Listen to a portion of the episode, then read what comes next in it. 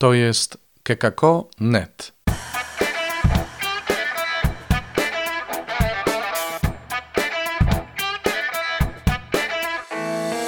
Chrystus zmartwychwstał. Dzień dobry, dobry wieczór. Nie wiem w sumie o jakiej porze będziecie tego słuchać. Tak czy inaczej, keka.net i strefa rodzica. A w strefie rodzica dzisiaj temat interesujący, ważny. Hmm, chciałoby się powiedzieć, jak wszystkie, które tutaj się porusza. E, a mianowicie, po co mojemu dziecku grupy e, rówieśnicze, relacje z rówieśnikami i jak pomóc e, mu je budować. Będzie o tym mówił Michał Patynowski, a spotkanie prowadzi Iwona Podlasińska. Zapraszam.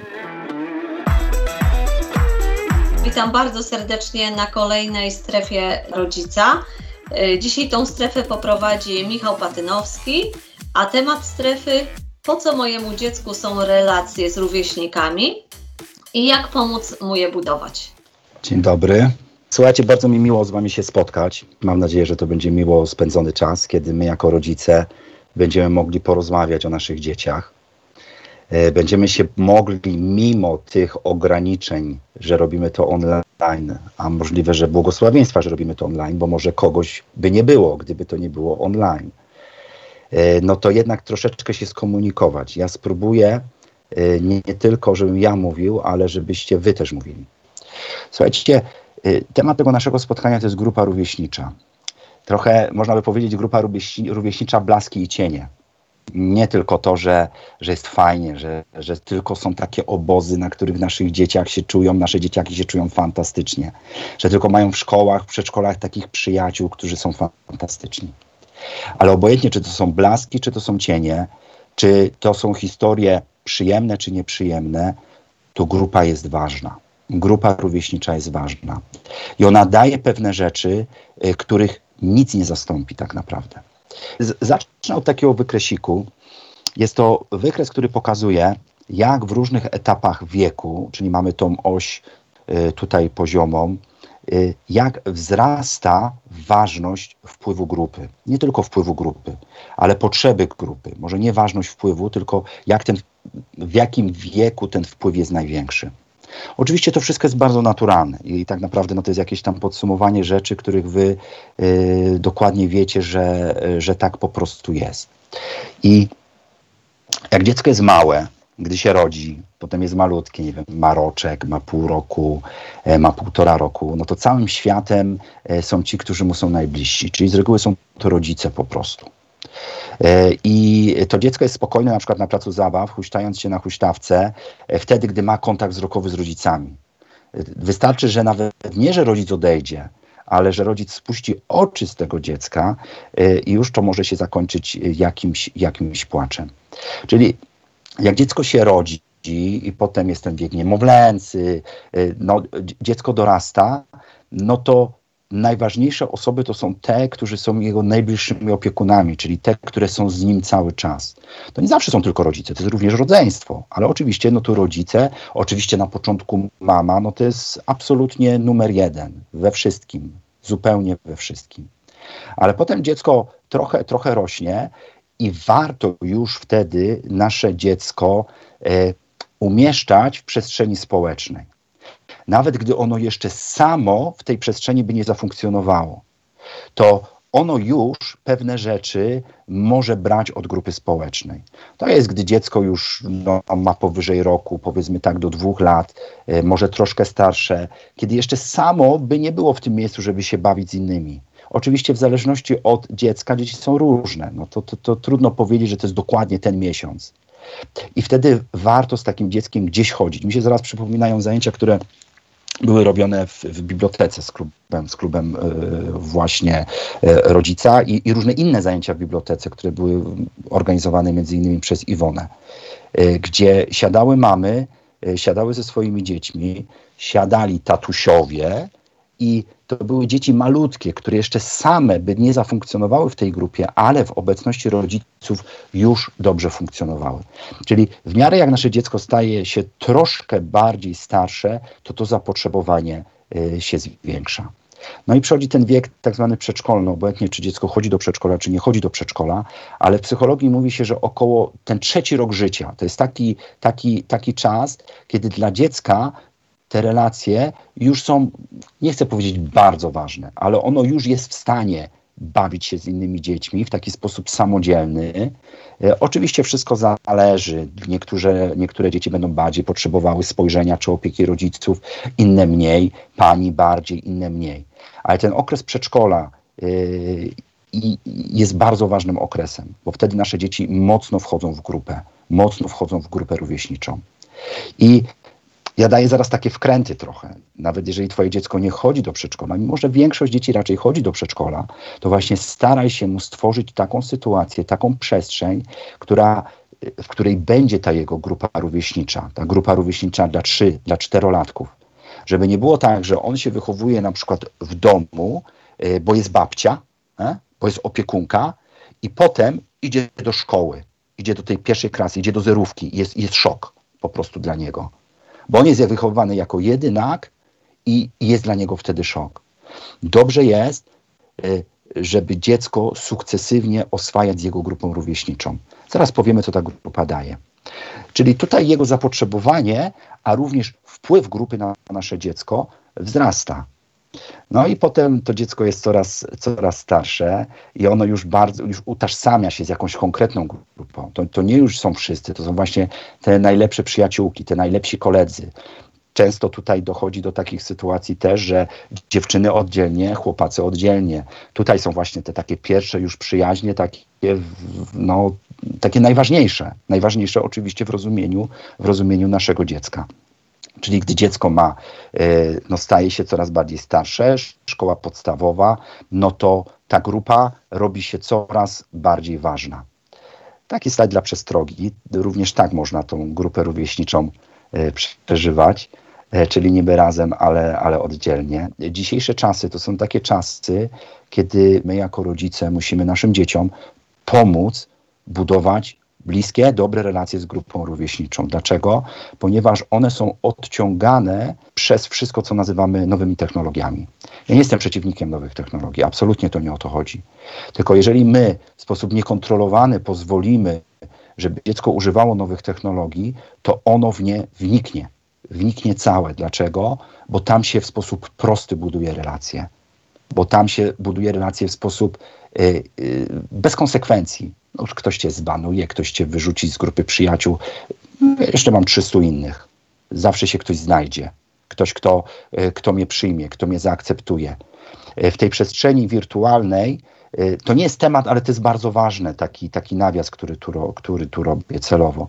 W tej przestrzeni wirtualnej mogę pokazać to co, mogę, to, co chcę pokazać.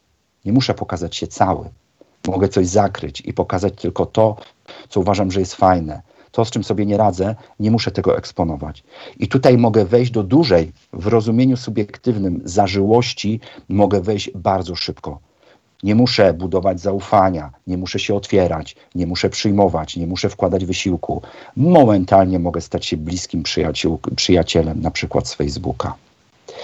Y, to wskazuje, to nas powinno motywować jako rodziców, że pomoc naszym dzieciom w budowaniu bliskich relacji to jest naprawdę dzisiaj szczególnie ważne wyzwanie. No i potem mamy nastolatków, tych nastolatków młodszych, czyli takich dwunastolatków, e, gdzie ta grupa rówieśnicza, no absolutnie, ona zaczyna być najważniejszą, e, najważniejszymi osobami w życiu, w życiu tych, tych naszych dzieci. No i potem nastolatkowie starsi, gdzie no, grupa to wszystko. Do domu się idzie zjeść. Jeżeli ma się dobre relacje z rodzicami, to też pogadać, ale czasami, czasami e, w takim myślę, że proporcji 9 na 10 tematów jest obgadywany w grupie rówieśniczej, 1 na 10 tematów jest obgadywanych z rodzicami.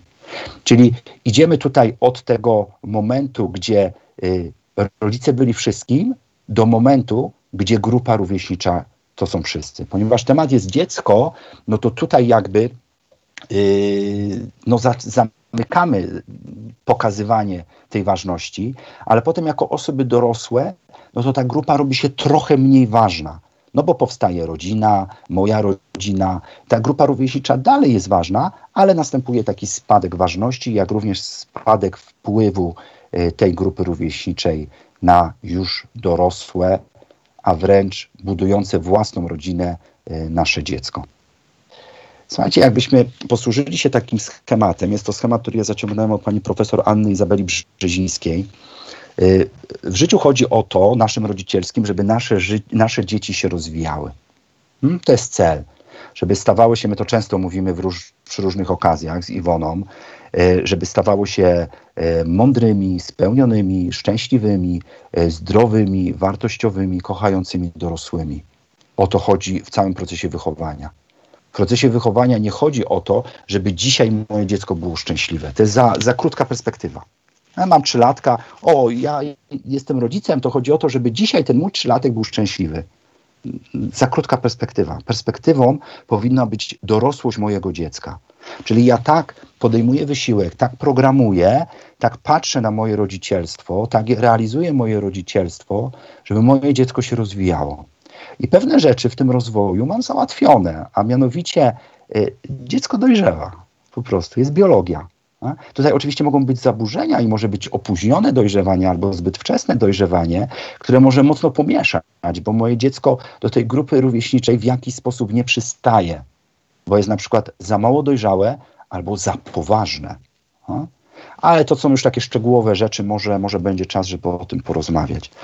Ale na ten rozwój wpływa biologia, czyli wpływa to, że organizm ludzki tak został stworzony, tak został zaprogramowany, że on dojrzewa po prostu. Czyli, że moje dziecko, bądź pewny, jak dzisiaj ma dwa lata, za rok będzie miało trzy, potem cztery, potem nagle 18 i nagle 32.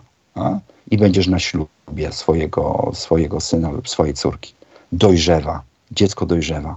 Ale druga grupa tego wpływu, to ona już jest bardziej skomplikowana i bardziej zależna od nas. I tutaj jest duże miejsce na nas, jako rodziców, na naszą interwencję, na nasze zarządzanie tą całą przestrzenią mojej rodziny, żeby dziecko tutaj się dobrze rozwijało. I tutaj mówimy o uczeniu się. Tu było dojrzewanie, biologia, natomiast tutaj uczenie się. Ale znowu to uczenie to nie jest takie proste uczenie, bo są jakby różne kanały tego uczenia. Jest własna aktywność.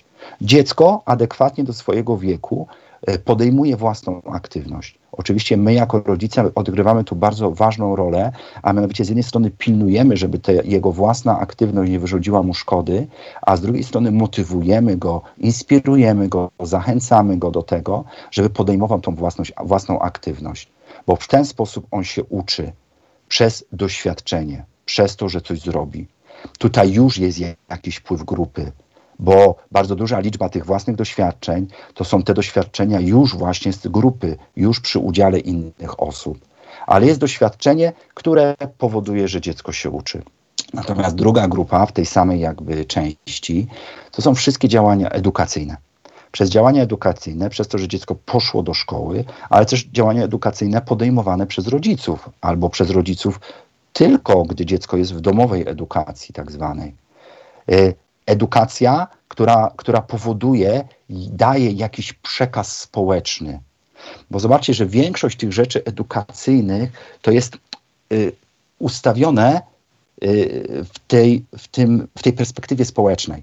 Niektóre przedmioty czy działy wiedzy wprost, typu wszystko, co się uczy nasze dziecko o zachowaniu się chociażby, o kulturze, y, o w jaki sposób, w jakich sytuacjach powinienem dobrze się zachować. Ale gdy uczy się rzeczy takich związanych z historią, to też to jest przekaz społeczny, z literaturą, to jest to przekaz społeczny.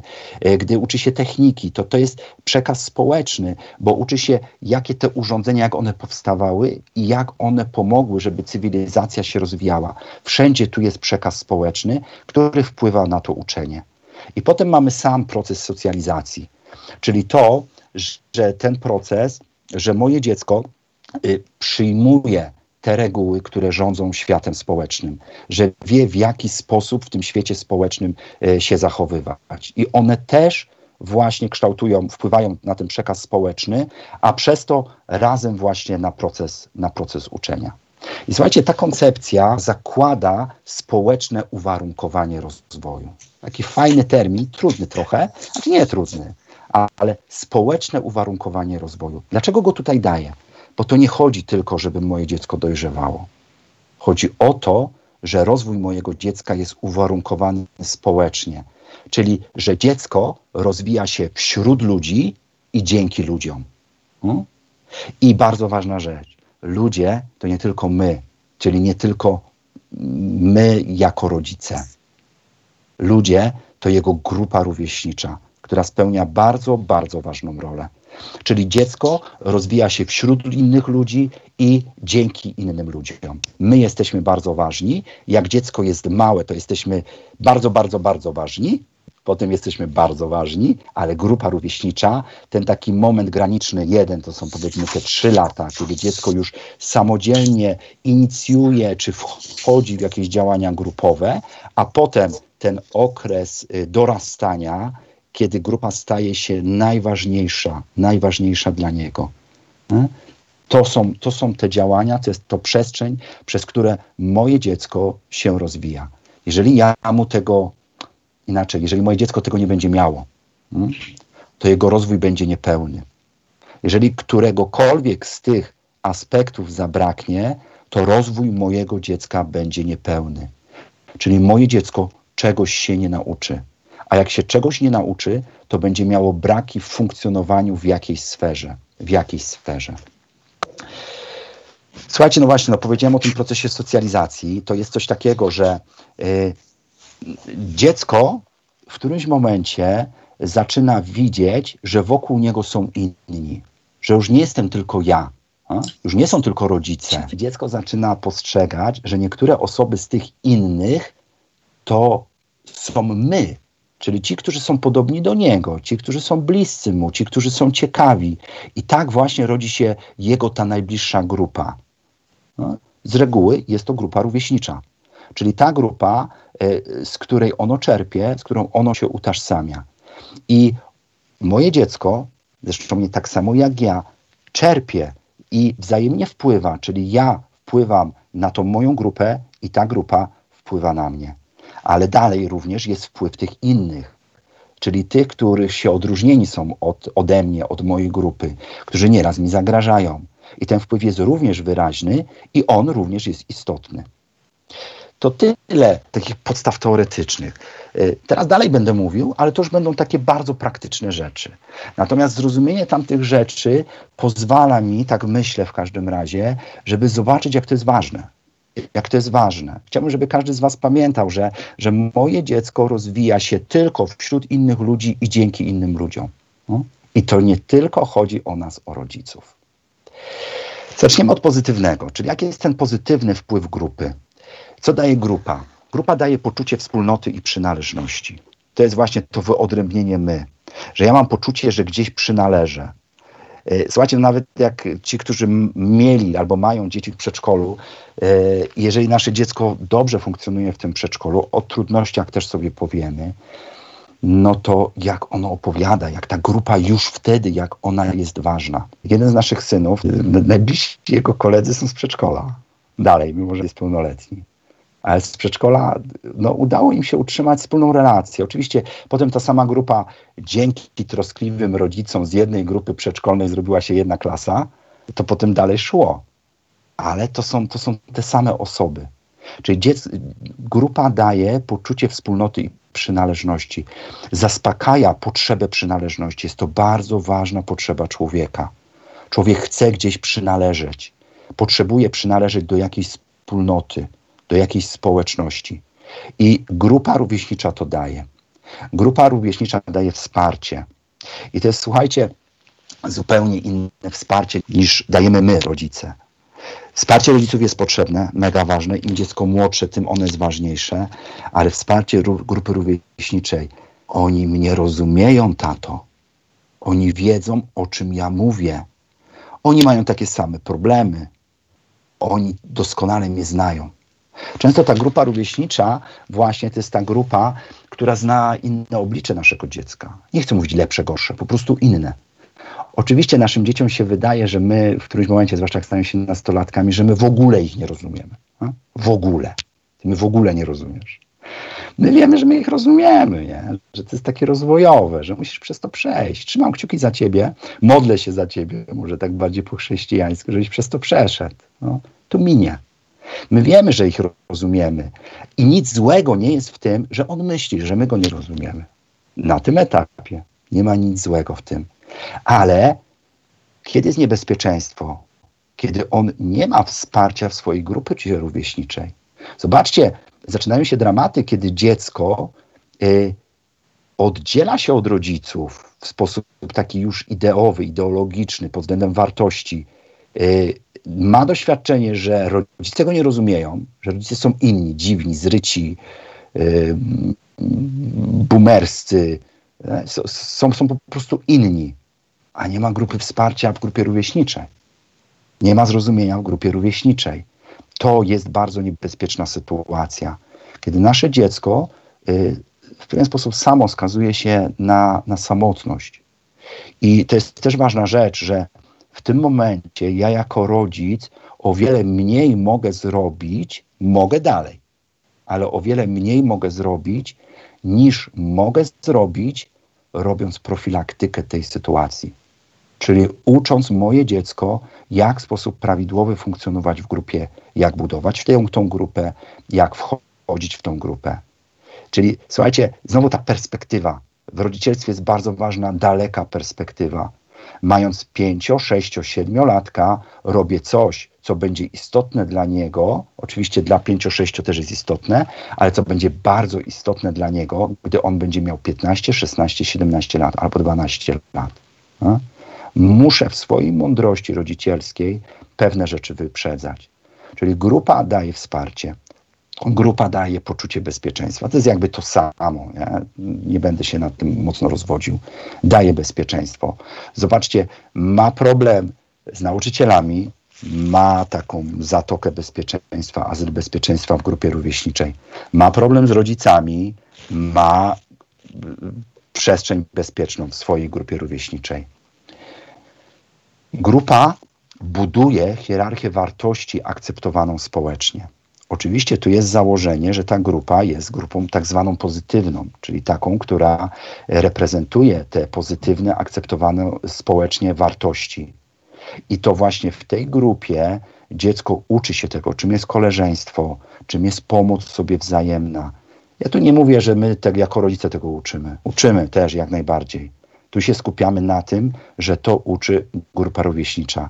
I zobaczcie, jak znowu, jak ważne jest to, jak ważne jest to, żeby pomóc naszemu dziecku, żeby ono wybrało, czy też trafiło, czy też stworzyło grupę rówieśniczą, gdzie y, te wartości będą właśnie wartościami akceptowanymi społecznie. Ty w momencie, kiedy twoje dziecko będzie miało 12, 13, 15 lat, bardzo będziesz miał mało możliwości, żeby twoje dziecko tam wrzucić bez wcześniejszego przygotowania. To przygotowanie zaczyna się już na samym początku. Co daje grupa? Rozwój kompetencji społecznych. Dziecko uczy się zasad, reguł, które rządzą społeczeństwem. Dziecko uczy się w grupie przyczynowości i, skutko, i skutkowości w zakresie właśnie norm społecznych. Jeśli czegoś nie zrobię, to będzie na to reakcja. Jeżeli coś zrobię, to będzie na to reakcja. Reakcja akceptacji albo odrzucenia, reakcja przytulenia albo reakcja krzyku i złości. Dziecko rozwija swoje kompetencje y, społeczne y, związane z komunikacją. Dziecko uczy się słuchać, uczy się mówić. Oczywiście znowu ktoś mówi, no przecież ja go to uczę, rodzic. Dobrze, uczysz go, uczysz i to jest podstawa totalna. Natomiast w pewien sposób y, to, jak ty uczysz kompetencji społecznych twoje dziecko, to to jest taki poligon, to jest szkoła tych kompetencji, a potem zaczyna się życie. A życie jest w grupie rówieśniczej. Potem tak naprawdę to też dalej jest szkoła, bo życie zaczyna się wtedy, gdy jest to prawdziwe dorosłe życie. No? Czyli grupa, ten pozytywny wpływ polega na tym, że dziecko rozwija w sobie kompetencje społeczne, albo inaczej, grupa rozwija w naszym dziecku rozwój kompetencji społecznych. I, I jak mamy kompetencje społeczne, to taką bardzo ważną rzeczą to jest rozwój empatii. Czyli tego współodczuwania, tej umiejętności, że ja jestem w stanie postawić się na miejscu drugiej osoby i w jakiś tam sposób, w jakiejś mierze, nie całkowitej, ale doświadczyć tego, jak ta osoba się czuje. Jak się czuje, gdy ktoś na nią krzyczy, jak się czuje, gdy jest chwalona, jak się czuje, gdy jest odrzucona, jak się czuje, gdy jest przyjęta. No, dziecko tego się uczy. Słuchajcie, współcześnie my wychowujemy, my nie, my nie, ok? My jesteśmy rodzicami świadomymi i nie chcę mówić, że my tak robimy. To jest zagrożenie dla nas, natomiast my w jaki sposób sobie z tym radzimy. Nie mówię my, patynowscy, tylko wy, my jako uczestnicy chociażby tego rodzaju spotkań, czyli jako rodzice czytający, jako rodzice podejmujący wyzw wyzwanie. Ale jest ogromne zagrożenie, że yy, nawet nie zagrożenie, tylko rzeczywistość, że nasze dzieci nie uczą się empatii. No? Że współczesne dzieci może tak, nie uczą się empatii, że empatia jako ta kompetencja społeczna jest czymś, co po prostu przestaje występować. Dlaczego? Znowu nowe technologie, bo tam się nie uczy te, empatii, bo tam jest wszystko za jednym kliknięciem. Tam nie ma konsekwencji. No czasami są oczywiście i to prowadzące do samobójstw, ale są grube rzeczy, tam nie ma niuansów. Tam nie ma niuansów społecznych. Tam są grupo, grupę, grube rzeczy, zero-jedynkowo. Tam nastrój, emocje pokazuje się przez emotikony, a nie przez twarz. Mówi się straszne słowa nie patrząc w oczy, tylko się pisze na czacie, w komentarzu. Pisze się straszne rzeczy których by się nie, pis, nie napisało, gdyby przed tobą siedział, stał y, żywy człowiek. Dlatego ta empatia, której się, ona oczywiście zdolność do empatii w jakiś sposób ma podłoże wrodzone, ale trzeba się nauczyć. Ją trzeba rozwijać. I grupa rówieśnicza, muszę się pilnować, żeby nie wchodzić w nowe technologie za dużo, y, grupa rówieśnicza y, stwarza możliwości właśnie do rozwoju empatii. I w końcu rozwój pasji i zainteresowań. Bo często te grupy rówieśnicze mają jakąś wspólną pasję. To jest na przykład nie słuchanie jakiegoś rodzaju muzyki, to jest granie w kosza, e, to jest e, wiem, oglądanie jakiegoś serialu. No, różne te rzeczy. Ale dzięki temu, zobaczcie, może mogą być rozwinięte pasje i zainteresowania. Jeżeli y, my znowu w tą grupę, y, może inaczej, jeżeli w tą grupę moje dziecko wejdzie z tym wcześniejszym y, działaniem moim rodzicielskim, i swojej wcześniejszej grupie rówieśniczej, no to ono tam rzeczywiście będzie mogło rozwijać swoje pasje i zainteresowania. No? To stworzy się grupa nie tylko, która coś konsumuje, która konsumuje jakieś treści, ale na przykład tworzy jakieś treści.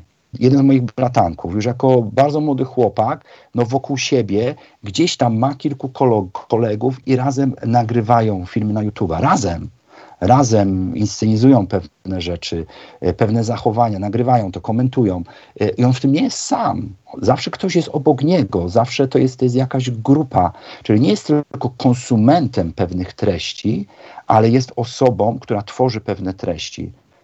To jest rozwój pasji i zainteresowań. Taki jest pozytywny wpływ grupy. Oczywiście to są te rzeczy najważniejsze, najważniejsze. I oczywiście można by tu jeszcze długo, długo dopowiadać o tych, o tych treściach. Ale jak mamy pozytywny wpływ grupy, no to też negatywny wpływ grupy. To jest zależność. Nie? To nie znaczy, że zależność jest zła. Tylko zobaczcie, jeżeli ta grupa, w której moje dziecko funkcjonuje, e, czy próbuje funkcjonować, e, jest grupą destrukcyjną, no to ta zależność to jest to, że moje dziecko będzie bardziej podatne na te destrukcyjne rzeczy. Y, negatywny wpływ grupy no to jest brak zaufania do tych innych. Bo jeżeli grupa bardzo wyraźnie określa swoje granice, tu jesteśmy my, to wszystko to, co dookoła, społeczeństwo, dorośli, szkoła, kościół, oni są źli. Ja nie mam zaufania do tamtych przestrzeni. Ja czuję się bezpieczny tylko i wyłącznie w mojej grupie. Tylko i wyłącznie w mojej grupie. To jest wyzwanie bo tak grupa działa.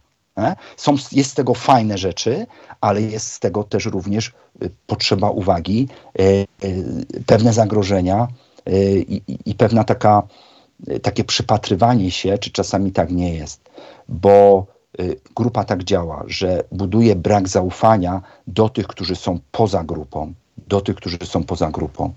Uczenie negatywnych wzorców w końcu, wzorców zachowań, na przykład bierności albo agresji, jeżeli grupa jest tą, która się pewnie kultywuje pewną bierność, a, na nic nie ma sensu, nie ma sensu się uczyć, wszystko jest bez sensu, no, no to moje dziecko tym przesiąknie, Moje dziecko tego się uczy. Tak samo, jeżeli reaguje agresją, tak? Idziemy teraz gdzieś tam, śmietnik i, i porozwalamy ten śmietnik, tak? Po coś pokopiemy, coś pozrywamy, y, kogoś napadniemy, uderzymy, y, przestraszymy. Jest niebezpieczeństwo takich rzeczy, że, że moje dziecko się uczy. Ustalenie norm nieakceptowanych społecznie, prawnie, moralnie. To jest jakby dalej, e, dalej rozwinięcie tego samego. Aż w końcu to idzie właśnie w, w to, że, że grupa ustala takie normy, a moje dziecko przyjmuje to jako swoje. Ale ja tak myślę. Ale ja tak myślę. I na przykład zaczyna powielać, na przykład zaczyna, że nie wiem, no, e, zaczyna mówić, że, że uchodźcy to są, to są wrogowie, a? na przykład bo ta grupa jest przesiąknięta takim, e, takim poglądem. I w końcu podejmowanie zachowań ryzykownych, czyli alkohol, papierosy, dopalacze, substancje psychoaktywne. Substancje psychoaktywne. Jak myślimy wpływ grupy, no to gdzieś tam zaraz nam się właśnie to wszystko pojawia, nie? Że, to, że to pewnie o to chodzi. Ale zacząłem od pozytywnych rzeczy. Słuchajcie, mógłby być cały temat o tym negatywnym wpływie grupy, ale no, nie, mogę, nie mogę jakby więcej no bo mamy też inne rzeczy do, do powiedzenia. I słuchajcie, tu jest bardzo ważny, ważny temat, taki temacik może tak, a mianowicie e, dorośli versus rówieśnicy, czyli jest takie pewne niebezpieczeństwo, zwłaszcza dzisiaj, no dobrze, ale ja mojemu dziecku wszystko zapewniam. Jeżeli jest tyle niebezpieczeństw w tym świecie, świecie rówieśników, przed chwilą to wszystko zobaczyliśmy sobie, tak, dokładnie, jeżeli jest to wszystko, to tutaj, no to czy nie lepiej jest, żebym ja to dziecko po prostu, żebym ja się nim zajął? No, po prostu ja się nim zajmę. Ja jako rodzic, może jakaś jeszcze ciocia do tego, no bo ja go nauczę, bo ja go nauczę, bo ja nie pozwolę, żeby on zbłądził, bo ja nie pozwolę, żeby on coś zaczął robić. No. I tu jest, słuchajcie, bardzo ważna rzecz, a mianowicie, że y, towarzystwo osób dorosłych nie wystarcza mojemu dziecku, w ogóle nie wystarcza dziecku, gdyż e, dorośli to nie są równi partnerzy. Obojętnie co zrobisz, nie będziesz dla swojego dziecka równym partnerem, a pewnych rzeczy możemy się nauczyć tylko i wyłącznie wtedy, gdy jesteśmy równymi partnerami dla siebie. Zobaczcie, rozmowa, tak jak tutaj te, to zdjęcie u góry, ta dziewczynka z mamusią rozmowa, nawet trudna rozmowa z, z dzieckiem, to jest rozmowa zawsze kontrolowana przez rodzica. Hmm? To ono chce jakiś cel osiągnąć. To nie jest tak, że jest to rozmowa, z której wszystko może się wydarzyć. To, to nie jest rozmowa, która może pójść w obojętnie jakim kierunku. Jeżeli dziecko y, coś przeskrobie, no to zobaczcie, to rodzic inicjuje, wiesz co, teraz musimy o tym porozmawiać. Nie bój się, nie będę na ciebie krzyczeć, ale porozmawiają o tym. Jak to się stało, że to się stało? Hmm? Jaki był twój motyw? Tak? Jak myślisz, jak oceniasz swoje postępowanie? Zobaczcie, to my jesteśmy tymi, którzy kontrolują tę rozmowę. Natomiast w grupie rówieśniczej jest zupełnie inaczej. W grupie rówieśniczej rzeczywiście możemy być partnerami i to partnerstwo bardzo często jest odczuwalne boleśnie, tak jak na tym zdjęciu poniżej ale ty możesz tego doświadczyć i ty w tym momencie możesz próbować, ej słuchajcie, ja chcę wam to wytłumaczyć. To nie było tak, że ja zdradziłem tą tajemnicę. Wiecie co, ja rozmawiałem przez telefon i ktoś podsłuchał tego, rozumiecie? To nie jest tak, że ja komuś wygadałem i ta osoba potem to rozniosła po wszystkich. Moje dziecko ma wtedy okazję, żeby rzeczywiście skonfrontować się ma okazję do prawdziwej takiej konwersacji, jakby dorosłej, ale będąc małym dzieckiem, on uczy się tej prawdziwej konwersacji. On uczy się e, podejmowania ryzyka, on uczy się rozwiązywania problemów, on uczy się wzięcia odpowiedzialności. Jak jest wychowanie tylko przez rodziców i z taką minimalizacją grupy rówieśniczej, to tego nie ma po prostu. Ja bardzo lubię i cenię sobie, mimo że nasze dzieci oczywiście nie są, znaczy nie oczywiście, no nie są, bo ci, którzy nas znają, no to wiedzą, że nie są, e, edukację domową. Natomiast tu bardzo ważna rzecz właśnie jest e, zwrócenie uwagi na to, że ty nie zastąpisz swojemu dziecku grupy rówieśniczej. Czyli nawet gdy twoje dziecko jest w edukacji domowej, e, nawet gdy ma rodzeństwo, to prowadź je tam, gdzie jest jego grupa rówieśnicza bo jeżeli tego twoje dziecko nie będzie miało, to czegoś mu zabraknie. Bo prawdziwe, takie żywe partnerstwo i prawdziwa taka konfrontacja z grupą społeczną y, nie odbywa się z rodzicami. Ona się nie odbędzie z rodzicami. Dorośli zawsze będą kontrolować, zawsze będą kontrolować, zawsze będą decydować, o jakim temacie porozmawiamy i w jaki sposób, i w jakiej formie.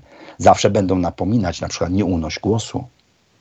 Gdzie dziecko nauczy się unoszenia głosu i jak się czuje z unoszonym głosem i jakie ma konsekwencje, gdy uniesie głos i jak nauczy się zarządzać swoim głosem, żeby nie unosić go bezpodstawnie w grupie rówieśniczej. To jest y, to, y, to lustro, w którym on będzie odbijał swoje zachowanie. I drugie wyzwanie, a mianowicie y, dobre versus złe relacje. No bo, no dobrze, no to będę robić tak, żeby tylko tak, te relacje były dobrymi relacjami. I znowu pewien, pewien paradoks, a mianowicie złe relacje są też potrzebne. Oczywiście tu jest ogromna uwaga, mus, muszę włożyć w to, y, żeby dbać o bezpieczeństwo mojego dziecka. Natomiast jeżeli ja stwierdzę, że chcę, żeby moje dziecko miało tylko dobre relacje, to znowu moje dziecko czegoś się nie nauczy, co jest mu potrzebne. Bo teraz ma mnie rodzica, ale w dorosłym życiu nie będzie miało rodzica i będzie musiało sobie, przepraszam, będzie umiało sobie radzić e, z agresją innych. Będzie umiało radzić sobie e, z tym, że ktoś cię chce wykorzystać. I jeżeli my, nasze dzieci, będziemy trzymać pod przysłowiowym kloszem, jak to piękne tutaj ciasto czekoladowe z truskawkami, no to i tak będziemy trzymać do momentu, kiedy moje dziecko opuści gniazdo yy, i tak będziemy tylko dobre relacje. Nie, nie, Wojtuś, nie, nie, z Wojtusiem nie możesz. On jest niegrzeczny. Przecież on pobił Zosię. Jak ty chcesz się bawić z Wojtkiem? Nie. A poza tym, wiesz co, jego rodzice to tak, no nie chcę ci mówić szczegółów. Wiesz, nie chcę ci mówić szczegółów, ale lepiej trzymaj się od niego z daleka. To nie znaczy, że ja idź do Wojtka, baw się z Wojtkiem. Muszę trzymać pewien balans między tym. Tylko również w tych trudnych relacjach, nawet w tych złych relacjach, to nie chodzi o to, żeby dziecko je budowało, żeby wchodziło w nie głęboko, ale ono powinno nauczyć się w sposób kontrolowany, czyli jeszcze jestem ja, jestem jako rodzic, jestem wentyl bezpieczeństwa, i ono się uczy krok po kroku, adekwatnie do swojego wieku, trudnych sytuacji, radzenia sobie z emocjami, e, zawalczenia o siebie, bycia asertywnym, e, mówienia czego potrzebuje, zawalczenia, już mówiłem, zawalczenia o siebie. Bo tu jest niebezpieczeństwo, że my tacy nadopiekuńczy rodzice często to dziecko będziemy trzymać pod takim kloszem. Jakie ono piękne. I ono rośnie. I coraz piękniejsze. A jakie zdolne. A jakie poważne. Taki, taki mały dorosły, a? taki mały dorosły. Tylko, że potem to dziecko wchodzi jednak w swoją grupę rówieśniczą, nawet gdy będzie to grupa, e, która już ma na przykład 30 lat, ale to będzie grupa rówieśnicza i ono sobie z tym nie poradzi. Albo będzie miało duże, nie chcę mówić, że nie poradzi, będzie miało duże trudności w tym zakresie. Czyli złe relacje też są potrzebne, ale oczywiście trzymajmy ręce na, rękę na pulsie. Okej. Okay. I to jest słuchajcie, jakby ta nasza pierwsza część, czyli po co naszemu dziecku bliskie, bliskie relacje? Po co moje dziecko potrzebuje bliskie relacje? I takie pytanie, czy pytanie, czy są pytania? Może coś wam się tam otworzyło, coś byście chcieli dopowiedzieć. No bo słuchajcie, no to jest spotkanie rodziców, czyli każdy gdzieś tam ma swoje doświadczenie. I jeżeli y, no, czujesz, że to jest, to jest ważne, nie? To, to, to, to powiedz to teraz. Mój syn tak reaguje, ma 6 lat, że on ma te relacje oczywiście w przedszkolu, ale gdzieś jak jedziemy na wczasy i poznaje kogoś nowego, czy starszego, czy młodszego, strasznie to przeżywa tak krzyczy, y, opowiada, co się działo, przybiega do nas, relacjonuje to, jest taki bardzo pobudzony. I po prostu pytanie, czy to hamować, czy to po prostu. On zawsze tak reaguje, już od lat. Bo córka jest zupełnie inna. Ona po prostu przychodzi, zda relację, ona robiła to, to i tamto, taka jest konkretna.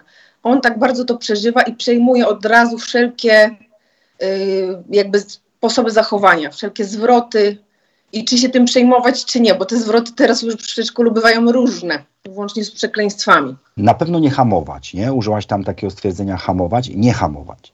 Spróbować tym zarządzić, czyli, ale tak naprawdę nie na zasadzie, że ja jako rodzic teraz powiem, co jest dobre, co jest złe i tak ex katedra to zrobię. Nie? Jak pani profesor wstaje i mówi, tego nie wolno robić, to wolno robić. Tylko e, trzeba rozmawiać z dzieckiem i pokazywać mu pewne rzeczy, oczywiście nie, nie używając takiego terminu, które te rzeczy budują, a które rujnują. Które budują, a które są destrukcyjne. Czyli to jest też to, co robi grupa rówieśnicza, ale my oczywiście jako rodzice też to robimy, czyli uczymy dziecka reguł, zasad, uczymy dziecka kompetencji społecznych. Czyli jeżeli moje dziecko przyjmuje pewne rzeczy, bo rozumiem, że to on, on nie tylko odreagowuje, ale również przyjmuje to, co ci, ci nowi koledzy robią, tak? No. Bo, bo trzeba to trochę odróżnić, nie? Bo może być coś, co on odreagowuje, no to trzeba go nauczyć, żeby okej, okay, odreaguj, ale może trochę taki sposób bardziej przyjazny dla otoczenia. Natomiast jeżeli przejmuje coś, no to trzeba spokojnie, ale ogromny błąd jest negować zaraz na początku, nie? Czyli powiedzenie takiego, z kim ty się bawiłeś? Nie? Kto tak źle mówi? To jest ogromny błąd, zwłaszcza u dzieci, którzy w jakiś sposób mają trudność. Y, ja teraz wykraczam poza Twoje pytanie, ale w jakiś sposób mają trudność z budowaniem tych relacji bo mogę spalić, nie? czyli mogę, to moje dziecko wreszcie mu się udało, ok, poszedł za bardzo, nie? zaczął krzyczeć jak ten rówieśnik, bić, kopać, pluć, nie? zobaczyć, że docenić to, o fajnie, widzę, że się zaprzyjaźniłeś z nim, czyli docenić to, powiedzieć, ale fajną macie relację, ciekawe rzeczy pewnie robiliście, opowiedz mi, co tam robiliście, nie? To i to. I dopiero jakby w drugim etapie wejść do tej subtelnej korekty zachowań. Czyli tak, fajnie, ale się bawiliście, ale kolega, ale umie to. Ale zobacz, a może byście troszkę mniej używali takich słów, bo wiesz, no tu są też starsze osoby. Powiem ci prawdę, mi też to przeszkadza, wiesz? My nie używamy takich słów. Wiesz co, nie trzeba zaraz krzyczeć, ale wpierw moje dziecko zostało docenione, super zbudowałeś relacje, to jest fajny kolega, on może być twoim znajomym. Czyli nie wyrzucamy tego dziecka z kąpielą na początku, mówiąc, że jest zły, co ty robisz, co ty teraz będziesz tak mówił, tylko doceniam. I potem dziecko, bo zobaczcie, jak my zaczynamy od nakazów, to dziecko ma poczucie, że coś traci, że mu coś zabieramy. No? Natomiast jak my zaczniemy od przyjęcia, to dziecko nie ma poczucia, że traci, a jak dziecko nie ma poczucia, że traci, to jest bardziej podatne na korektę. No? Jak zaraz w dziecku spowodujemy bunt, to dziecko jest niepodatne na korektę. Natomiast jak mu damy doświadczenie przyjęcia, zaakceptowania, ucieszenia się tym, co robi, tym, jak to, to przeżywa, jak to doświadcza, to on jest bardziej podatny na korektę. I znowu nie zaraz cała lista, ale słuchaj, pamiętaj od jutra, nie używasz takich słów, nie robisz tak, nie plujesz, nie przeklinasz, nie ubierasz się to, tylko po kolei, małymi krokami. Dzisiaj zwróć uwagę na to, ale wiecie co, jak, jak się bawicie, no to nie malujcie tych ścian. Nie? Dzisiaj są na topie ściany, jutro będą wyzwiska, pojutrze będą kamienie. Oczywiście wybierz to, co jest najbardziej jakby takie destrukcyjne od pierwszej rzeczy, nie? Ale, ale doceń to, nie? Doceń tą relację. Wiesz, trochę mi odpowiedziałeś już na pytanie teraz odpowiadając Kasi, ale chciałam Cię tak jakby jeszcze dopytać, yy, czy dobrze też rozumiem. Nie powinniśmy za bardzo, za bardzo czy w ogóle wpływać na, na to, z kim się nasze dzieci yy, kolegują? Nawet jak na przykład widzimy jednak zagrożenie, Powinniśmy. Znaczy zagrożenie podejrzewam zawsze dostrzeżemy, tak? Umówmy się, w każdej relacji coś tam możemy znaleźć, jeżeli nie będziemy bardzo szczegółowi, ale generalnie no, wybierają sobie jakiś tam przyjaciół, znajomych, wiadomo, w różnych y, środowiskach się nasze dzieci y, znajdują. Uważasz, że y, jakby jak najmniej powinniśmy ingerować, tak? Nie. Powinniśmy wpływać, tylko zróbmy to mądrze. Czyli zróbmy to etapami przede wszystkim. Doceńmy to, co w tym, co się stało, jest dobre. Y, na mhm. przykład, że Twojemu dziecku mm, udało się zbudować jakąś relację, zbuda, udało się kogoś zagadać, y, udało się z kimś fajnie pobawić. Czyli wzbudźmy, zbudujmy tą atmosferę, że ja teraz nie napominam Ciebie, a potem dopiero sukcesywnie wprowadzajmy korektę, doprowadzając jakby prowadząc moje dziecko w takim samouświadamianiu tego, że pewne rzeczy no, są po prostu nie na miejscu albo wręcz złe. Tylko niech dziecko przejdzie, oczywiście, słuchajcie, no to jest wszystko adekwatne do wieku, nie? To, to nie, nie mówię o takiej sytuacji, gdy dziecko ma 3 lata, nie? I, i przyjdzie z papierosem. Przejaskrawiam specjalnie, nie? Musi być to adekwatne, tylko nam zależy na tym, znowu mamy tą długą perspektywę. Nam zależy na tym, żeby nauczyć nasze dziecko, żeby to ono umiało wybierać sobie dobrych przyjaciół. A jeżeli ja zacznę od negowania, to go tego nie nauczę. Jeżeli zacznę od przyjęcia, a potem sukcesywnej korekty, rozmowy o tym, a w co się bawicie? A jak myślisz, czy ta zabawa to jest zabawa, która, albo inaczej, ta zabawa sprawia ci przyjemność, a czy ta zabawa jest dobrą zabawą dla wszystkich, a też dla innych waszych kolegów? No nie, bo Tomek płakał. Ojej, Tomek płakał. Tomek to nie jest ten kolega, nie? Tylko ktoś inny. Tomek płakał. A dlaczego płakał? No bo my się z niego śmialiśmy. E, śmialiście się z niego. A to dobrze jest się śmiać? No źle jest się śmiać. I zobaczcie, uczymy wtedy moje dziecko, żeby ono było wrażliwe na to, że patrzy dookoła. Nie tylko ważne jest, że ja się dobrze bawię, ale również ważne jest to, czy ktoś płacze, gdy ja się dobrze bawię. To jest uczenie tej empatii. Zrozumiale to, Aneta, powiedziałem? Czyli ja absolutnie nie mówię, żeby dać dziecku wolną rękę. Mhm. Nie, nie. Tak, zrozumiale. Tylko Michał, chciałabym jakby y, konkluzji mi brakuje, czyli prowadzisz rozmowę i to wszystko ok, on to widzi, zauważa, ale kończysz czym? To co byś zrobił, na przykład zadając pytanie, a co byś zrobił w takim razie teraz wiedząc Znaczy, Okej. y, tego chłopa chociażby, nie? No to wszystko zależy od skali problemu, bo jeżeli to są grube rzeczy, no to te, te też bym, y, y, mam w sobie przestrzeń do zabronienia. A? Koniec, Mhm. nie możesz się z nim bawić. Jeżeli to są grube rzeczy. No, Ale zacząłbym od tego procesu, żeby moje dziecko zrozumiało, dlaczego ja mu Mhm. zabraniam się bawić. A, nie Mhm. zacząć, zabraniam ci, dlaczego, bo tak. no, no, no, rozumiem, rozumiem. Bo to bo tak jest zarezerwowane tylko wtedy, gdy moje dziecko, gdy ja już jestem wkurzony na maksa i wiem, że za chwilę, nie wiem, mój repertuar się wykań- wykończył i ja, nie Mhm. wiem, no, już mam ochotę go uderzyć na przykład, nie? No to jest bo tak. I koniec dyskusji po prostu. Sorry, winę tu, nie? Ale już wyczerpałem swoje zasoby. Albo druga rzecz, gdy mojemu dziecku coś się w tym momencie może stać. Nie? Typu przebieganie przez ulicę, typu coś tam, coś tam, coś tam, coś tam. Albo gdy komuś w otoczeniu może coś się stać. To są jakby te trzy rzeczy, nie? Te trzy rzeczy.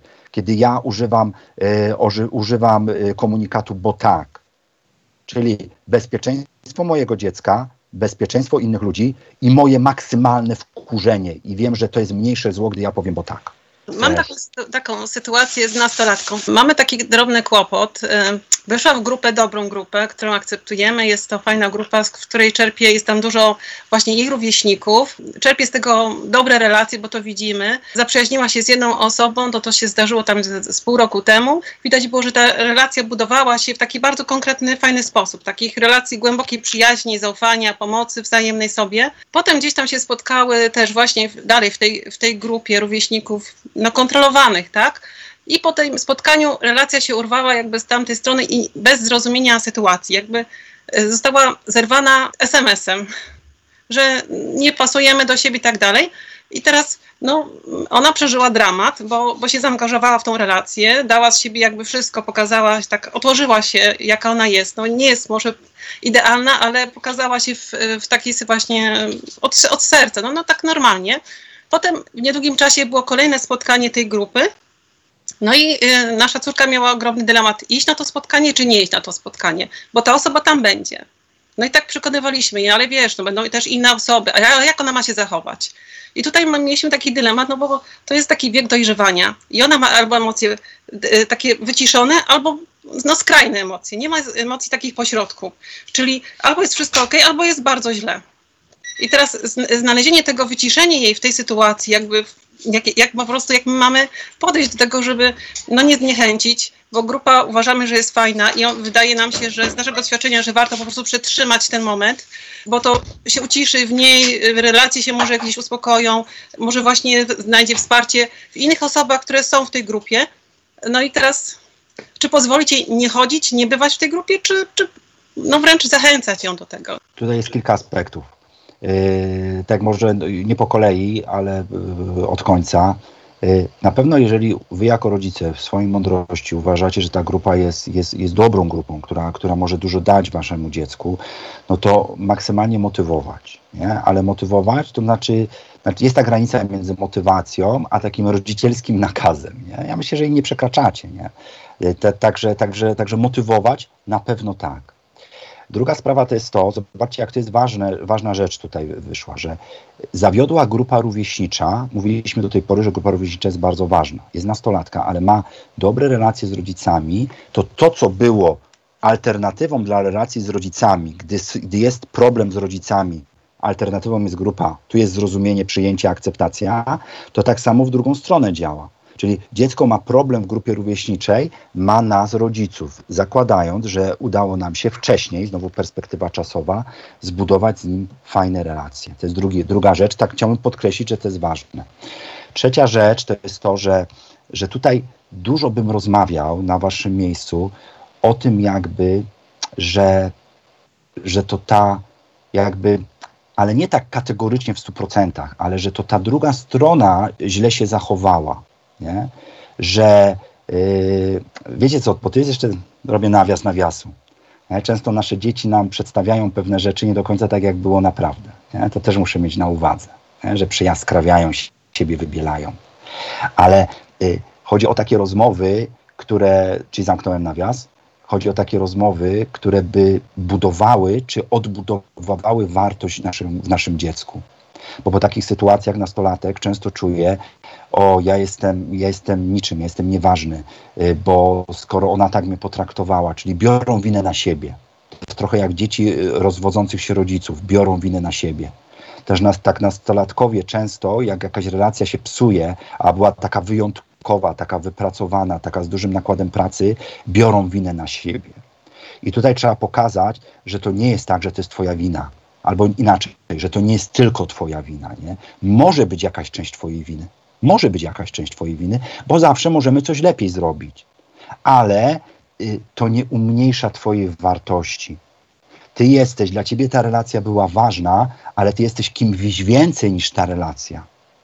Ty wykraczasz poza tą relację. To ta relacja nie, nie świadczy o Twojej wartości. I żeby tak podbudowywać wartość dziecka, to jest jakby takiego ubieranie w ten arsenał, żeby ono potem poszło jednak na to spotkanie. Bo ono nie będzie tylko i wyłącznie e, skupiało się wtedy na sobie, że coś nie poszło, że coś jest źle, tylko mam wartość, mogę się z kimś spotkać, mogę porozmawiać. Oczywiście też pokazać szerszą perspektywę. To już troszkę to powiedziałem, czyli że na tej, na tych grup, w tej grupie, na ile wyznacie tą grupę, że też są inne osoby, nie? Są też inne osoby, że przecież nie musisz z nią rozmawiać. A jak wpadniecie na siebie, to powiedz cześć. Nie? Zrobić pewien taki trening zachowania, czyli przećwiczyć z córką yy, to, że może dojść do tego, że na przykład spotkacie się w toalecie. Nie? No to wtedy powiedzieć, wiesz co, wiesz co wtedy zrób? Powiedz cześć i się uśmiechnij. Jak byś to zrobiła? No cześć. Nie? Cześć i się uśmiechnij. Ty nie musisz nic tłumaczyć.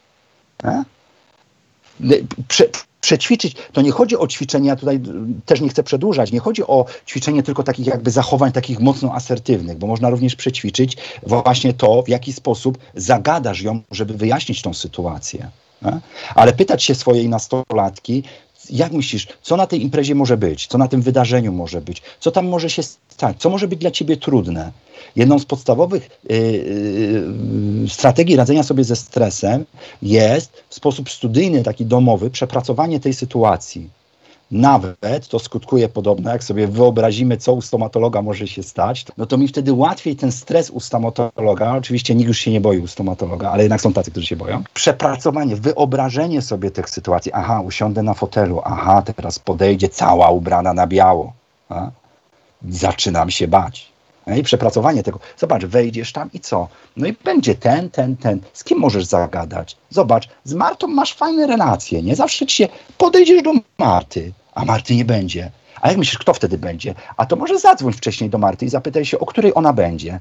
No ja o 16 na pewno, daj, wydaj mi, już nie wiem, czy się tak mówi dalej, puść mi strzałkę, że już jesteś. Nie? I wtedy wchodzę, je, wiem, że będzie Marta.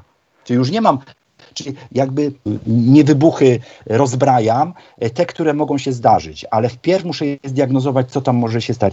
I z takim dzieckiem po prostu sobie przegaduję to zabawowo, nie? Nie robić tego atmosfery, o, trudna sytuacja przed tobą, nie? Tylko zobacz, poradzisz sobie, nie? Zrobisz to, pogadasz z tym, możesz to, tu się uśmiechniesz, tu to, nie? Zobacz, jak ślicznie wyglądasz, a jak się ubierzesz, nie? Też, też odfiksować od tej sytuacji. Skupimy się teraz, jak się ubierzesz. Bo kupić nową kieckę jej. Nie? Bo wtedy będzie ta dodana wartość do tego jeszcze, że pierwszy raz tą kieckę mam na sobie. Nie? Czyli tak bardzo szeroko. Tu jakby już weszliśmy w ten drugi nasz moduł, a mianowicie jak pomóc naszemu dziecku budować te dobre relacje. A? Jak pomóc naszemu dziecku budować dobre relacje. Zanim zaczniemy mówić, jak pomagać, to wszystko musi być adekwatne do wieku naszych dzieci. I tutaj pamiętajmy o, tej, o tym takim podejściu. Ja to często mówię o tej koncepcji stylów rodzicielskich, opartej na stylu przywództwa Blancharda, że to ma być styl sytuacyjny, czyli w zależności od dziecka, w zależności od sytuacji, w jakiej jest dziecko, w zależności od jego wieku, w różny sposób się zachowuje. Czyli różne kompetencje i różne narzędzia wtedy, e, wtedy jakby odpalam, wtedy, wtedy wykorzystuję różne, różne narzędzia. Czyli to jest pierwsza rzecz, adekwatnie do dziecka i adekwatnie do jego wieku. Wychowywać wśród innych dzieci.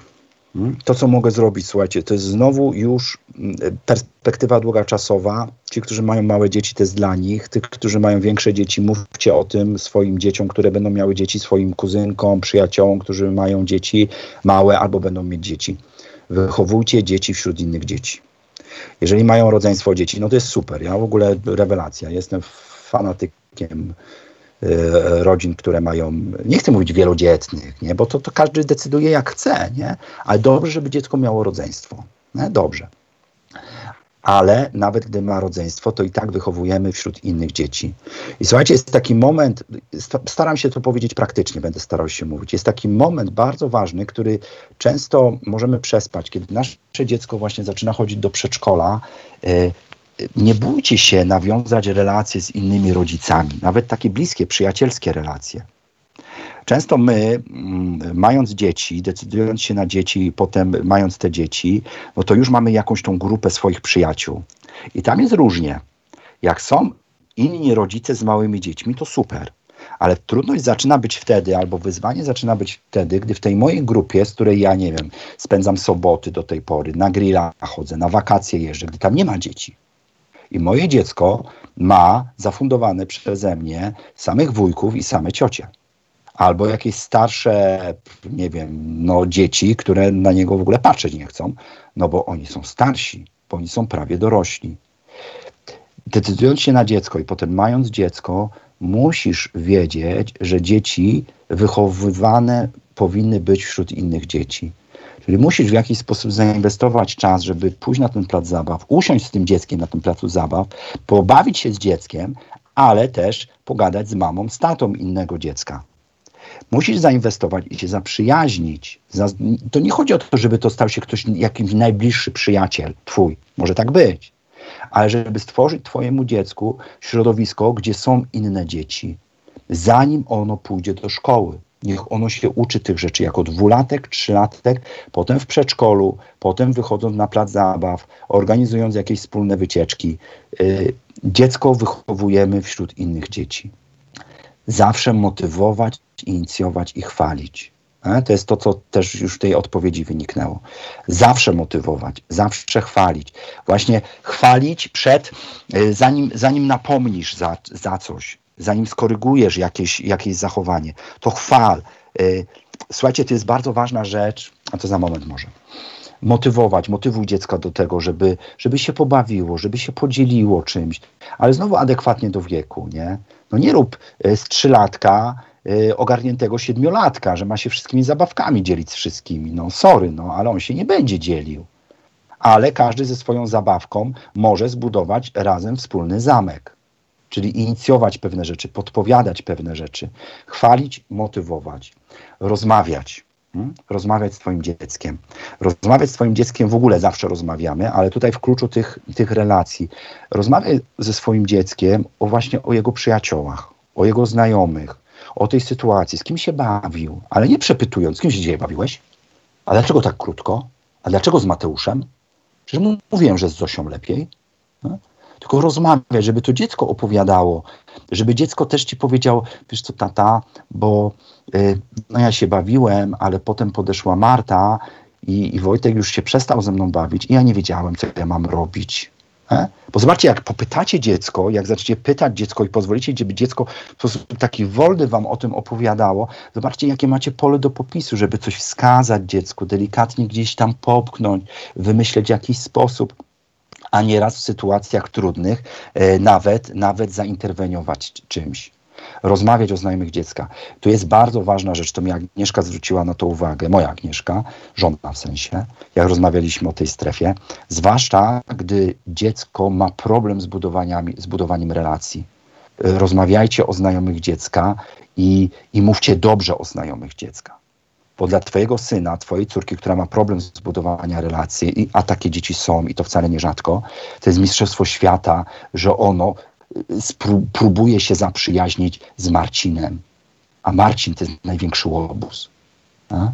Wy wiecie, że on jest największym łobuzem, bo pani na każdej wywiadówce mówi o Marcinie. Znaczy teraz już nie mówią nauczyciele. Ale, ale, ale wiecie, wszyscy mówią o Marcinie, same złe dzieci. A twoje dziecko przychodzi poekscytowane. Marcin, ma, bawiłem się z Marcinem. A ty wiesz, że to jest twoje dziecko i ono ma problem z budowaniem relacji. Naprawdę jak było i w co się bawiliście. I to, co rozmawialiśmy, jak, jak wam odpowiadałem na te pytania. Przechodzicie przez ten cały proces, ale zostawcie tą relację z Marcinem. Chyba, że zobaczycie, że tam naprawdę mega niebezpieczne rzeczy są. Bo ta relacja z Marcinem może otworzyć twoje dziecko na coś innego, na następną relację. To może być tak zwane przełamanie, bo w którymś momencie ty powiesz, widzisz, z Marcinem się zaprzyjaźniłeś. A zobacz, powiedz mi, kto jest jeszcze razem z tobą w grupie, w klasie? No ten, ten i ten. A kogo lubisz? No tego i tego. Zobacz, z Marcinem ci się udało, to może zagadasz na następnej przerwie też tego. Może na imieniny nie zaprosisz tylko Marcina, ale też zaprosisz na przykład Monikę i Fabiana. Ale jakby punktem wyjścia jest to, że z Marcinem się udało. A jeżeli od samego początku ty będziesz torpedował Marcina, to nie będziesz miał tego, ale pamiętamy, ręka na pulsie, ręka na pulsie. I znowu z różnymi dziećmi w różny sposób. Podpowiadać, podpowiadać pewne rozwiązania. Znowu warunek, że rozmawiacie, to wtedy możesz podpowiadać. A wiesz co? A daj mu jutro prezent. A może dałbyś mu tego ludzika Lego, bo masz dwa takie same. A może byś go zaprosił do domu. Podpowiadajcie. A zobacz, jedziemy na rowery. Może by, wiesz co, zadzwonię do mamy Marcina, może byś też się wybrała z wami na rowery. Chciałbyś? O tak, chciałbym, chciałbym. Czyli podpowiadasz pewne rozwiązanie. Nie idziesz w takiej e, regule, a moje dziecko powinno, się, powinno sobie samo poradzić, tylko podpowiadasz mu pewne rzeczy. Dajesz przykład, to jest bardzo ważne. Ty również masz bliskich znajomych. Słuchaj. To jest ważne. To nie chodzi o to, bo wiadomo, czasu brak i tak dalej, ale twoje dziecko musi widzieć, że, że masz jakiś przyjaciół, że kogoś z rodziny, że gadasz z nim, że się spotykasz, a nie siedzisz w domu zamknięty w czterech ścianach, nosa nie wyściubisz, a nagle chcesz, żeby twoje dziecko było duszem towarzystwa. No nieraz tak się zdarzy, bo gdzieś tam w tych genach dostał po twoim pradziadku fantazyjnym ułanie dużo, dużo fajnych, fajnych genów w tym zakresie, ale no, no, no musisz dawać przykład. Dajesz przykład, jak rozmawiać, dałeś przykład, jak rozwiązywać konflikty, jak dbać o relacje, jak mówić o swoich znajomych, czyli nie obgadujesz przy dziecku. A ta Marta to mnie już wkurza po prostu idiotka z niej taka. No co dziecko będzie robić? A tato, Kuba mnie wkurza, idiota z niej taki, z niego taki. Twoje dziecko zrobi dokładnie to samo. Dawaj przykład. Ucz zasad życia społecznego. Słuchajcie, to jest bardzo ważne, żeby od samego początku uczyć, że mówi się dzień dobry, że mówi się do widzenia, że się podaje rękę, że się uśmiecha, że się patrzy w oczy. Zobaczcie, to są te wszystkie kompetencje, które potem są bardzo przydatne, bo twoje dziecko będzie umiało, dla niego to będzie nawyk. Podchodzi do grupy, cześć, mam na imię Michał, bo go nauczyliście, że tak się zaczyna konwersację. Czyli uczymy zasad życia społecznego od tych rzeczy takich najprostszych, związanych z kulturą, yy, z, no, no, z tym, jak należy się zachować, aż po rzeczy bardziej skomplikowane. Rozmawiacie o tym. Uczycie dziecko, to są trzy rzeczy chyba z tego, co pamiętam, nauczenie. Uczycie dziecko rozwiązywać konflikty. Nie, nie zamiatacie pod dywan. Jak jest konflikt, jak dziecko twoje przeżywa konflikt, to rozmawiacie z nim o nim, y, to podpowiadacie mu, jak go, jak go rozwiązywać, y, to uczycie go tego. Uczycie rozwiązywać konflikty. Uczycie zarządzania emocjami. Bo zobaczcie, gdzie jest trudność? Trudność jest, nasze dziecko ma trudność, bo się pojawiają jakieś emocje, z reguły tak jest. Czyli na przykład boi się. E? Albo na przykład jest nieśmiałe, albo czuje zażenowanie. Y, Pojawiają się różne emocje, czyli jest sytuacja społeczna dla niego, on sobie z nią nie radzi, albo nie wie, jak się zachować, bo, bo, jest, bo jest wkurzony i wtedy odchodzi, ucieka. Jeżeli będziemy nasze dziecko uczyć zarządzania emocjami, a to znowu nasz przykład, to znowu samoświadomość emocji, nazywanie emocji, sposób wyrażania emocji, możemy kiedyś znowu powtórzyć taką strefę, jak uczyć nasze dziecko zarządzać emocjami, to to jest klucz. Nie? Bo emocje zawsze są w tym kontekście społecznym, one się pojawiają albo w sytuacji społecznej, albo gdy my sobie przypominamy, czy wyobrażamy jakąś sytuację społeczną. Nie? Wtedy, wtedy pojawiają się emocje po prostu. Aż w końcu, czyli dobrze pamiętam, trzy rzeczy uczyć, aż w końcu wykorzystujcie filmy, książki i różnego rodzaju inspiracje. Czyli zamiast z dzieckiem jakiś e, głupi film obejrzeć, to obejrzyjcie film, e, gdzie, który jest o, o budowaniu przyjaźni i potem wykorzystajcie to, rozmawiajcie o tym. Przeczytajcie opowieść nie o niczym, tylko właśnie o budowaniu przyjaźni. O tym, jak to jest ważne. e? Jak to jest ważne dla waszego, dla waszego dziecka. No i to są takie moje, y, moje, moje podpowiedzi, jak pomóc naszemu dziecku y, budować, y, budować dobre relacje. Jak pomóc. Kto chciałby coś do tego dopowiedzieć? Co byście dodali do tego, słuchajcie? taka sytuacja właśnie naszej córki też średniej, gdzie mm, chciała bardzo wejść właśnie w taką znajomość, zaprzyjaźnić się generalnie właśnie z dziewczynkami z klasy, bo ona stosunkowo późno dołączyła do klasy, więc bardzo duży problem miała.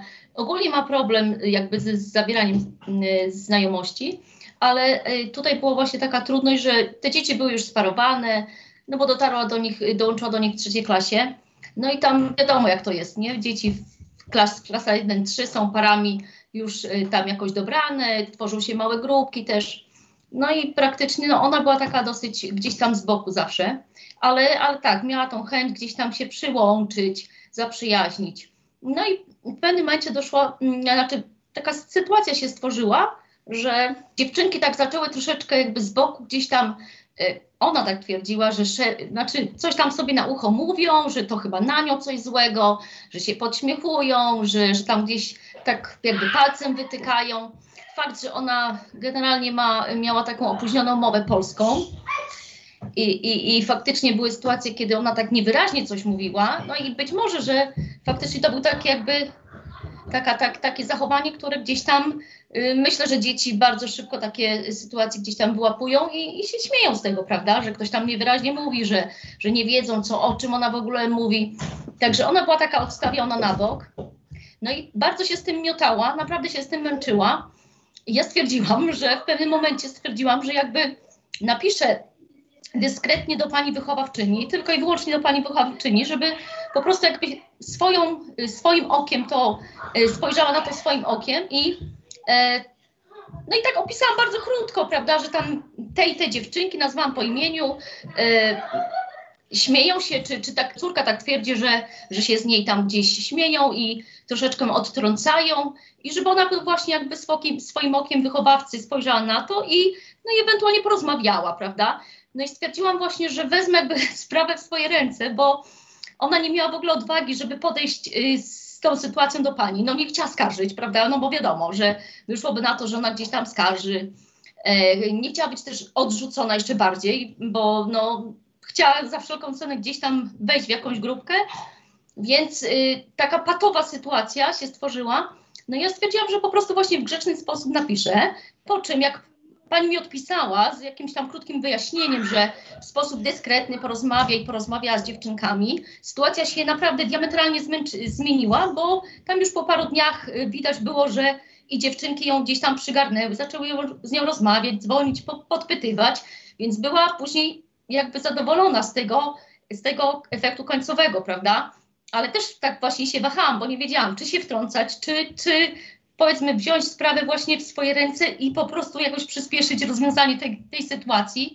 No ale mówię, to tak jakoś szczęśliwie się zakończyło, że y, sprawa się wyjaśniła i, i mówię, no taka niby, no nie był to jakiś wielki konflikt. To znaczy nie zawsze pewnie to gdzieś tam się sprawdzi w życiu, nie? Ale myślę, że, że czasami właśnie to jakby pomaga takim, szczególnie tym dzieciom, które właśnie są jakieś tam w pewnym sensie nieśmiałe, czy, czy nie chcą się gdzieś tam wybijać, przebijać, prawda? Mhm. Dzięki. Słuchaj, bardzo, bardzo ważną rzecz poruszyłaś i to jest absolutnie do, do pisania właśnie do tej listy, żeby nie bać się prosić o pomoc osoby, które są blisko naszych dzieci. Właśnie takie osoby jak nauczyciele, jak jakieś rodzice innych dzieci, ale musimy to robić z ogromną też taką delikatnością i uwagą. Nie? Czyli nie, że ja już wiem, ja już wydałem wyrok i teraz chcę tylko pociągnąć do odpowiedzialności, że na przykład to przez panią, bo nie zauważyła, albo przez mamą Mateusza, bo coś tam. Z taką otwartością, z mówieniem o problemie i słuchajcie, z proszeniem o pomoc. To jest taka super reguła wywierania wpływu na drugą osobę, że jak prosimy, nie, to, to, to otrzymujemy. To jest i biblijne, i psychologiczne. To się sprawdza we wszystkim. Jak ktoś nas o coś poprosi, jeżeli to jest realne, nie? bo jeżeli jest to nierealne, to nie, ale jeżeli to jest realne, niezbyt duże, jeszcze poruszające nasze kompetencje, mianowicie, że ja mam świadomość, że ja mogę to zrobić, a ktoś inny tego nie może zrobić, to ulegamy temu, nie? Tak pozytywnie ulegamy. Chcemy pomóc osobom po prostu. Chcemy pomóc. Jeżeli my poprosimy o pomoc właśnie nauczycielkę, to raz, że mamy y, i zacznijmy od tej pomocy właśnie, może by pani poobserwowała, może mi pa, pani pomogła, bo chciałabym szerzej spojrzeć na tą sytuację. Czyli zobaczcie, wkładamy tą osobę w tą naszą sprawę, ale nie jako, nie, nie jako mm, ktoś, kto jest na zewnątrz, ktoś, kto jest w opozycji, tylko ona stoi obok mnie, ona razem ze mną stoimy i chcemy zrozumieć nasze dziecko, chcemy rozwiązać jakiś problem, jakąś, jakiś, jakąś trudność. To wymaga pewnej takiej naszej, naszego sprytu, takiej inteligencji też naszej rodzicielskiej, ale, ale mamy to, nie? Mamy to. Także to jest bardzo, bardzo, o bardzo ważnej rzeczy mówisz, nie? Bardzo ważnej rzeczy. Tak samo można właśnie z rodzicami innych dzieci, nie? Tylko mądrze, nie? Jeżeli wiemy, że ktoś jest furiat, no to go nie prosimy zaraz o jakąś pomoc. No, chyba, żeby rozgonił towarzystwo. Ja chciałam dopowiedzieć jeszcze jedną rzecz, a mianowicie to też oczywiście z naszego doświadczenia, żeby pomóc y, dziecku, żeby pokazało grupie rówieśniczej swoje umiejętności. Tak na przykład y, nasza córka pokazała innym y, swoje zainteresowania, ponieważ tańczy y, taki taniec uliczny i generalnie dzięki temu zaistniała w grupie rówieśniczej i praktycznie ma szansę zaistnienia, jak się okazało, w każdej grupie rówieśniczej. Natomiast została przez nas zachęcona do tego, żeby no pokazała po prostu parę jakichś tam ruchów. Wydawało się to wszystkim takie proste, a potem jak spróbowali, to wow, no niekoniecznie. I mm, naprawdę bardzo fajnie jej to umożliwiło takie pierwsze wejście, i potem inni podchodzili do niej, pytali, a jak ty to robisz, gdzie się nauczyłaś. I dlatego tak chciałam dorzucić właśnie, że może czasami dzieci mają jakieś umiejętności swoje własne, Y, które mogą zaprezentować w grupie i to po prostu im pomoże wejść w tą grupę, jeżeli nie potrafią, nie wiem, w jakiś inny sposób. Również bardzo ważne, czyli podpowiadamy naszym dzieciom. My znamy nasze dzieci, jesteśmy jakby bardziej wyedukowani społecznie od naszych dzieci, mamy większą liczbę doświadczeń. Oczywiście w pewnych rzeczach nasze dzieci są mądrzejsze, żeby było jasne ale no, jesteśmy w stanie podpowiedzieć dzieciom właśnie co, co zrobić, czym tam zabłysnąć, nie? przeanalizować z nim sytuację. Ale z drugiej strony pamiętajmy, nie załatwiam wszystkiego za, za moje dziecko, nie?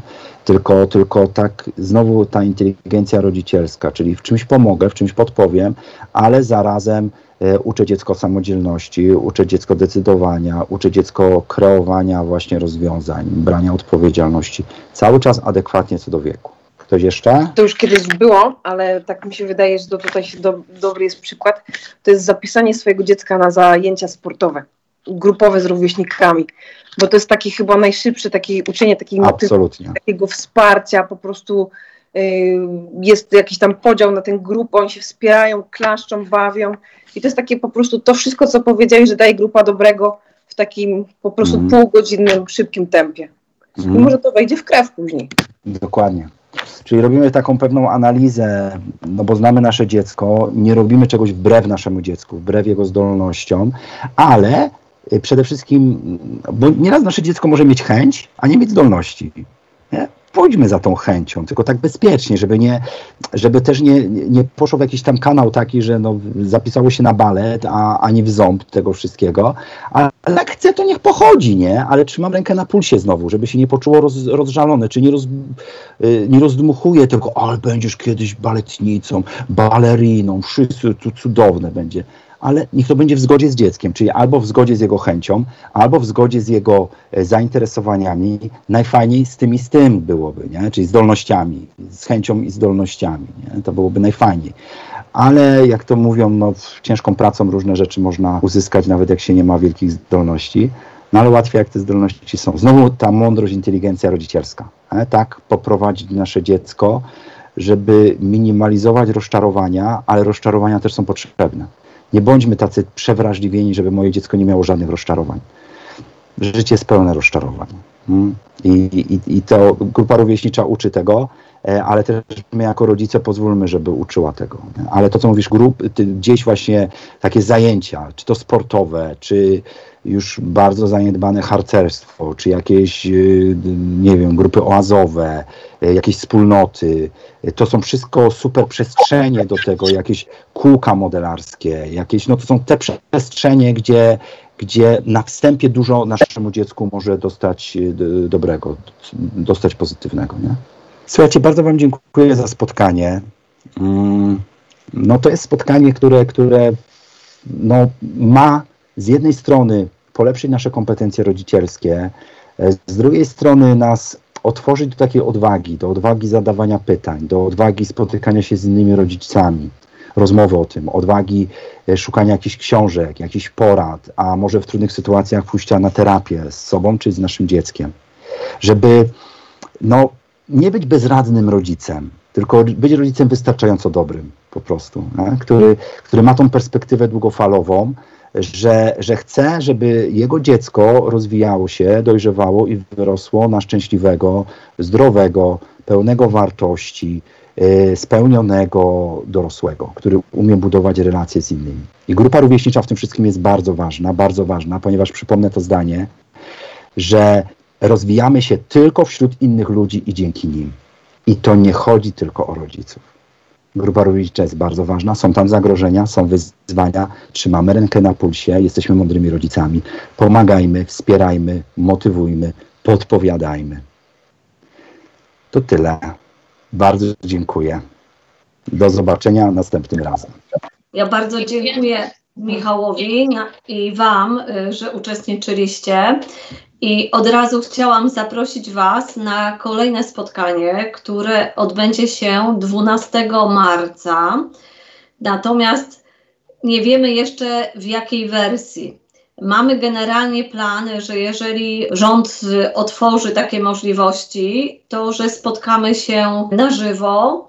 Może uda nam się przeprowadzić transmisję dla tych y, z odległejszych zakątków kraju. Natomiast jak to będzie, to śledźcie nasz profil na Facebooku, Strefę Radości, nasze profile, bo tam też udostępniamy te informacje, ale już zapiszcie sobie w kalendarzu 12 marca, godzinę 18.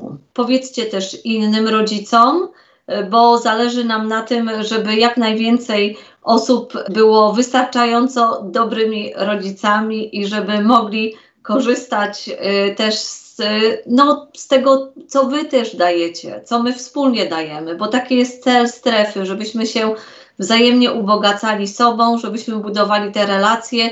Jeszcze raz bardzo Wam dziękuję. Dziękuję Michałowi. Jak zwykle, niezwykle ważne treści poruszyłeś. Bardzo, bardzo dziękuję. Do zobaczenia w marcu.